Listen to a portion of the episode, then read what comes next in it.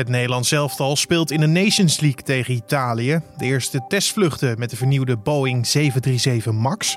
En de buurlanden van Mali bespreken vandaag de staatsgreep in het Afrikaanse land van een maand geleden. In hoeverre is het land opgeschud door deze nieuwe situatie? En wat is het doel van de koeplegers?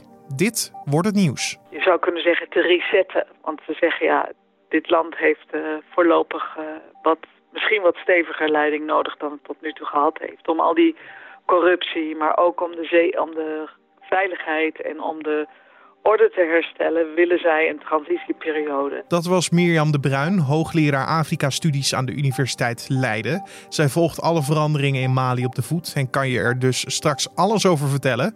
Maar eerst kijken we kort naar het belangrijkste nieuws van nu. Mijn naam is Carne van der Brink. Ik hoop dat je een fijn weekend hebt gehad en dat je weer met volle energie aan deze nieuwe week begint. Want het is vandaag maandag 7 september. Supertyfoon Heishen heeft maandagochtend Japan verlaten en is onderweg naar de kust van Zuid-Korea. 440.000 woningen zitten zonder stroom en 32 mensen zijn gewond geraakt. In Zuid-Korea zijn tot nu toe 1000 mensen geëvacueerd. Heishen neemt windvlagen van 144 km per uur met zich mee naar de Zuid-Koreaanse stad Busan. 5000 huizen in de zuidelijke punt van het land zitten al zonder stroom. En sinds zaterdag is er al enorm veel regen gevallen. Zuidoost-Azië werd enkele dagen geleden al getroffen door de tyfoon Maisek, die twee levens eiste en waardoor duizenden mensen geen stroom hadden. De woninghuren in Nederland zijn het afgelopen jaar met 2,9% gestegen. Dat is het hoogste percentage sinds 2014. Dat blijkt uit cijfers van het Centraal Bureau voor de Statistiek.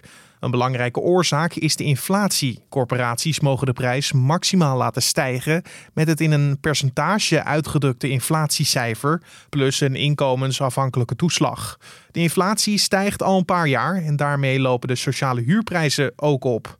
Daarnaast steeg voor het eerst in jaren de huren niet het hardst in Amsterdam, maar in Rotterdam. Daar betalen huurders 4,1% meer. In de hoofdstad is dat 3,5%. Een 15-jarige jongen is zondagavond zwaar gewond geraakt door een steekincident bij een evenementencentrum in het Brabantse Rijsbergen. De politie heeft twee verdachten inmiddels aangehouden. Bij het evenementencentrum ontstond een ruzie waarbij de jongen uiteindelijk met een mes is gestoken. Volgens RTL Nieuws zou er een bruiloft zijn geweest waarbij twee groepen ruzie kregen. De jongen is met een ambulance naar het ziekenhuis gebracht en hoe het precies met hem gaat is onbekend. En Novak Djokovic is zondagavond gedisqualificeerd in de achtste finales van de US Open. De nummer 1 van de wereld en absolute titelfavoriet werd uit het toernooi gezet omdat hij een bal tegen een lijnrechter sloeg. Het opmerkelijke incident gebeurde in de eerste set bij een 6-5 stand in het voordeel van zijn tegenstander. Terwijl de 33-jarige Servier naar de kant liep, sloeg hij de bal uit frustratie weg en raakte hij de lijnrechter. De vrouw in kwestie werd pijnlijk op haar keel geraakt en ging naar de grond. Djokovic, die de bal niet bijzonder hard wegsloeg, was geschokt toen hij zag dat de lijnrechter was geraakt en liep naar haar toe om hulp te bieden. Maar het kwaad was toen al geschied. En dan neem ik je mee naar Mali. Want daar staat sinds vorige maand het politieke schaakbord volledig op zijn kop. Militairen vonden het tijd voor een frisse wind door het Afrikaanse land. En dat deden zij door een staatsgreep te plegen. Inmiddels zijn de koepplegers druk bezig met de onderhandelingen voor een nieuwe regering. De economische gemeenschap van West-Afrikaanse staten houden vandaag een top over hoe zij moeten reageren op deze nieuwe situatie. Ze legden eerder al sancties op en ze sloten de grenzen met Mali. Waarom een staatsschip nodig was volgens de militairen, dat vroeg ik aan Mirjam de Bruin, hoogleraar Afrika-studies aan de Universiteit Leiden. Nou ja, Mali is een land waar de, nou, je zou kunnen zeggen vanaf 2012 duidelijk werd dat het land uh, best wel veel problemen heeft. Um, toen ook was er een, een in 2012, omdat men toen ook de toen zittende president niet meer vertrouwde in zijn aanpak wat, van het noorden, waar toen een soort rebellie gaande was. En uiteindelijk sinds 2012 is het niet beter gegaan in Mali. Alleen maar slechter eigenlijk. Zelfs dat het, ja, ik weet niet, de, de Sahel is een een, een soort battlefield geworden voor jihadisten. Dat, zo wordt het vaak gepresenteerd. Maar inderdaad, in Mali uh, rukte inderdaad een vorm van radicale islam ge, uh, gepaard met een soort inzet van de Al-Qaeda en de Islamitische Staat op. Dus dat is één reden. En de andere is dat ehm, vanaf eigenlijk begin dit jaar zijn er protesten in Mali. Ook gewoon tegen het regime vanwege deze onzekerheid. Maar ook vanwege het feit dat ze betichten de regering uh, die er dus zat van het, het frauderen met uh, verkiezingsuitkomst. er waren verkiezingen vorig jaar en de uitkomst daarvan, heel veel mensen vonden dat deze huidige president niet terug moest komen en die kwam wel terug. Ja, daar was, daar was protest tegen. En dat ging gepaard met een algemene economische malaise in het land ook. Ja. Dus ja, alles bij elkaar. Want de koepplegers zeggen dat ze de president en eh, zijn eh, corrupte regering hebben afgezet in belang van het uh, Malinese volk. Wat heeft deze, nou, in hun ogen, corrupte regering veroorzaakt de laatste jaren in Mali? Nou ja, een onstabiel land met weinig economische groei, heel slecht onderwijs. Um, een deel van het land is niet meer echt onder controle van de regering. Um, ja, dat. Het, genoeg om boos over te zijn als burger, want men betaalt wel natuurlijk gewoon belasting. Um, daarnaast, wat er ook heel zichtbaar werd voor de bevolking, was de extravante, hoe zeg je dat, extravagante uh, bestedingen van bijvoorbeeld de zoon van de huidige, van de toenmalige president die uh, grote parties hield enzovoort, terwijl het land in crisis verkeert. Men was gewoon boos. Ja, precies. En dat leidde dus tot die coup. Uh, uiteindelijk werd ook de president Keita uh, gegijzeld door de militanten, tot hij besloot af te treden. En dit weekend mocht hij uiteindelijk het land verlaten, hè? Ja, en dat is een gevolg, denk ik, onder andere van de onderhandelingen die er zijn geweest met de Vereniging of de Economische Unie van West-Afrikaanse staten, in het Engels ECOWAS en in het Frans heet dat CDAO. Uh, die, die hebben zich, uh, um, toen de coup gepleegd was, direct opgesteld als onderhandelaars. En een van hun eisen was, eerst was het, de president moet in ere hersteld worden. Nou, dat bleek eigenlijk niet, niet haalbaar, ook omdat de president uiteindelijk zelf gezegd heeft, ik wil dat niet meer. En de bevolking zou dat absoluut niet geaccepteerd hebben.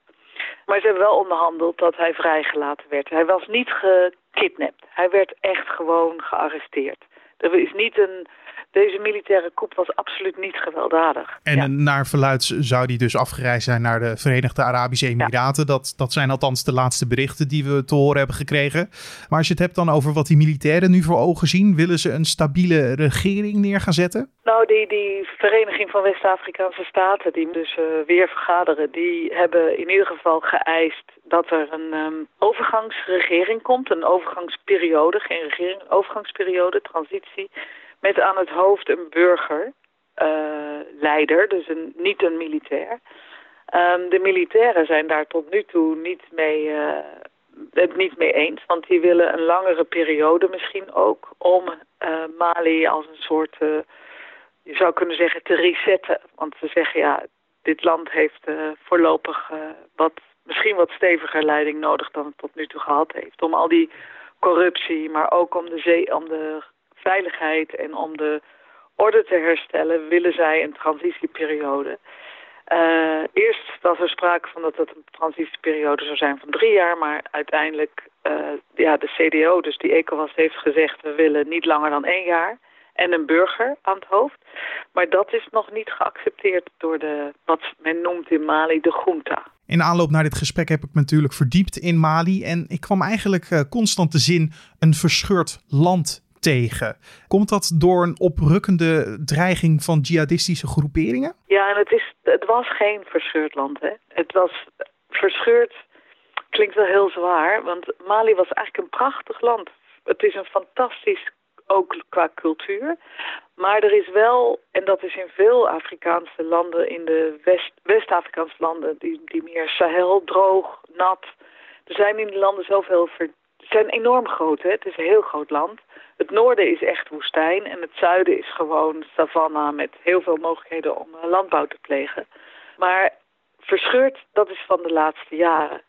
Dus met de opkomst, uh, met die rebellie in het noorden, is er ook een soort, uh, ja, inderdaad een verdeling in het land gekomen, zelfs qua controle van de overheid. Want de overheid of de staat regeert eigenlijk het noorden alleen nog maar in meer verstedelijkte gebieden.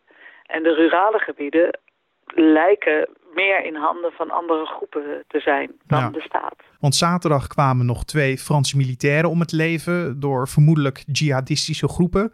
Is dit dan weer een voorbeeld van hoe erg de dreiging is? Nou ja, het, het maakt wel ook heel duidelijk dat die groepen die het noorden beheren uh, niet zwak zijn. Ze hebben best wel veel overwinningen op de Fransen gehad. En ook, uh, ze hebben ook MINUSMA, dat is de VN-missie die daar in uh, Noord-Mali en Midden-Mali is. Hebben ze ook aangevallen. Uh, ze hebben veel wapens. Dus het is wel degelijk een, een serieuze strijdmakker, zou ik maar zeggen. En als je het hebt over deze politieke aardverschuiving door de staatsgreep die is gepleegd, hoe kijken andere landen hiernaar? Nou ja, kijk, een staatsgreep is altijd wat je dan zegt ongrondwettelijk. Hè? Dus het mag, het mag niet. Dus het is gewoon, uh, en dat is tevens ja, best wel een probleem voor de stellingname bijvoorbeeld ook van Nederland. Want Nederland zit dus in Mali al heel lang, 45 jaar. Ze hebben een grote ambassade. wordt veel hulp gegeven, veel samenwerking ook met uh, andere partijen dan de staat. Maar zij zeggen nu ook van ja, je kunt dus aan zo'n als een land een staatsgreep heeft doorgemaakt en er is een militaire regering die verder geen constitutionele grondrecht heeft, dan kun je eigenlijk geen hulp meer geven. Dus hoe moet je dat nou oplossen als die staatsgreep misschien wel heel erg gedragen wordt door de bevolking? Want daar lijkt het op in Mali. Ja, want zijn zij nog optimistisch, hè? Ja, ja, een deel van de bevolking is zeker heel optimistisch. Ik moet zeggen dat daar wel wat... Uh, in het noorden zijn ze nogal hard van stapel gelopen met het aanvallen van uh, allerlei groepen daar.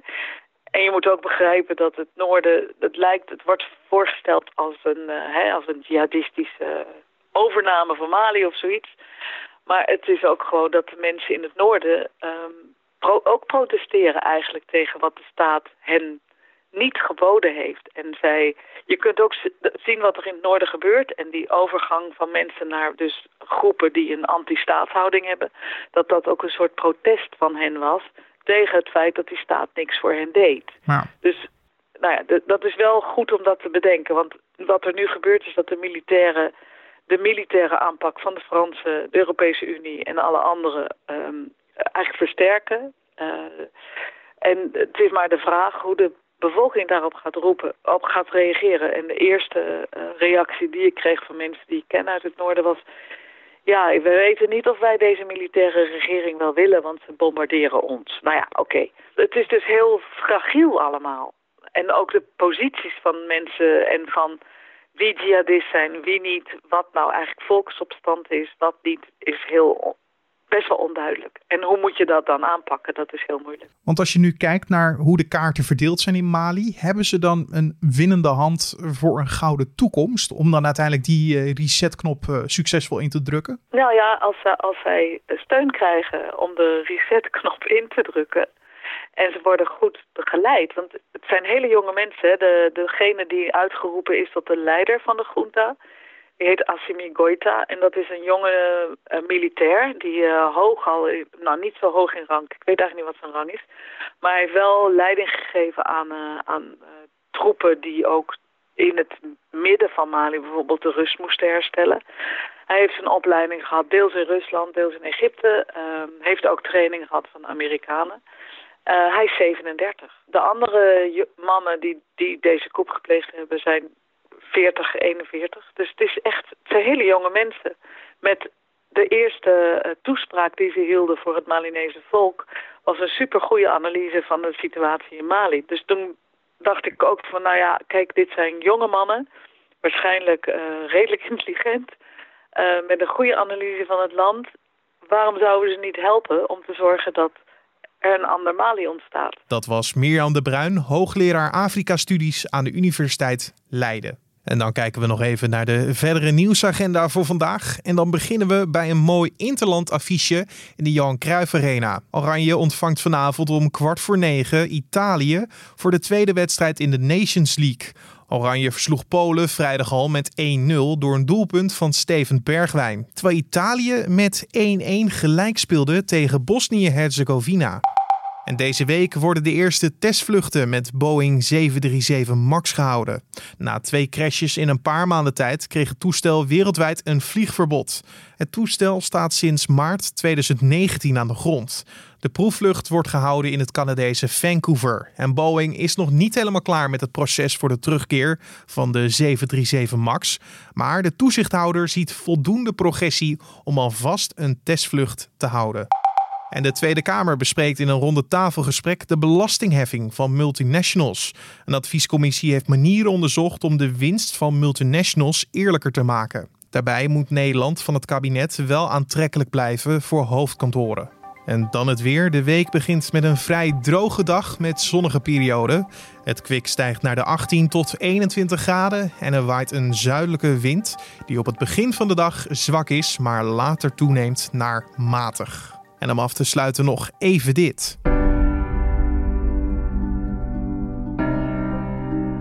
To do what I do, I need some idea of the threat we face. As I understand it, we're trying to prevent World War III. I'm not saying Armageddon here. No. Something worse. De nieuwe film van Christopher Nolan, Tenant, heeft in de eerste twee weken al 100 miljoen dollar, omgerekend zo'n 84 miljoen euro, opgebracht. De verwachtingen voor de film waren hoog gespannen, aangezien Tenet de eerste blockbuster is die uitkomt sinds het begin van de coronacrisis. Die verwachtingen lijken te worden ingelost. Ook in Nederland heeft Tenet goede zaken gedaan. Zo verbrak de film het record voor beste openingsweekend van 2020 en bracht de film tot nu toe 2,1 miljoen euro in het laadje. Mocht je deze kaskraker nog niet hebben gezien, de film gaat over een geheim agent die een derde wereldoorlog moet zien te voorkomen. Die strijd gaat gepaard met ingewikkelde tijdconstructies, achtervolgingen en een hoop exotische locaties. En dit was dan de Dit wordt het nieuws podcast voor deze maandag 7 september. De ochtend- en middageditie van deze podcast kan je op de voorpagina van nu.nl vinden elke dag van maandag tot en met vrijdag en in je favoriete podcast app, zoals een Spotify of Apple Podcast. Daarnaast kan je ons helpen met vragen, suggesties of feedback te sturen naar podcast.nu.nl. Dat is ons mailadres, podcast.nu.nl. Of een recensie achter te laten bij Apple Podcast. Mijn naam is Carne van der Brink. Ik wens je een hele mooie maandag en tot de volgende.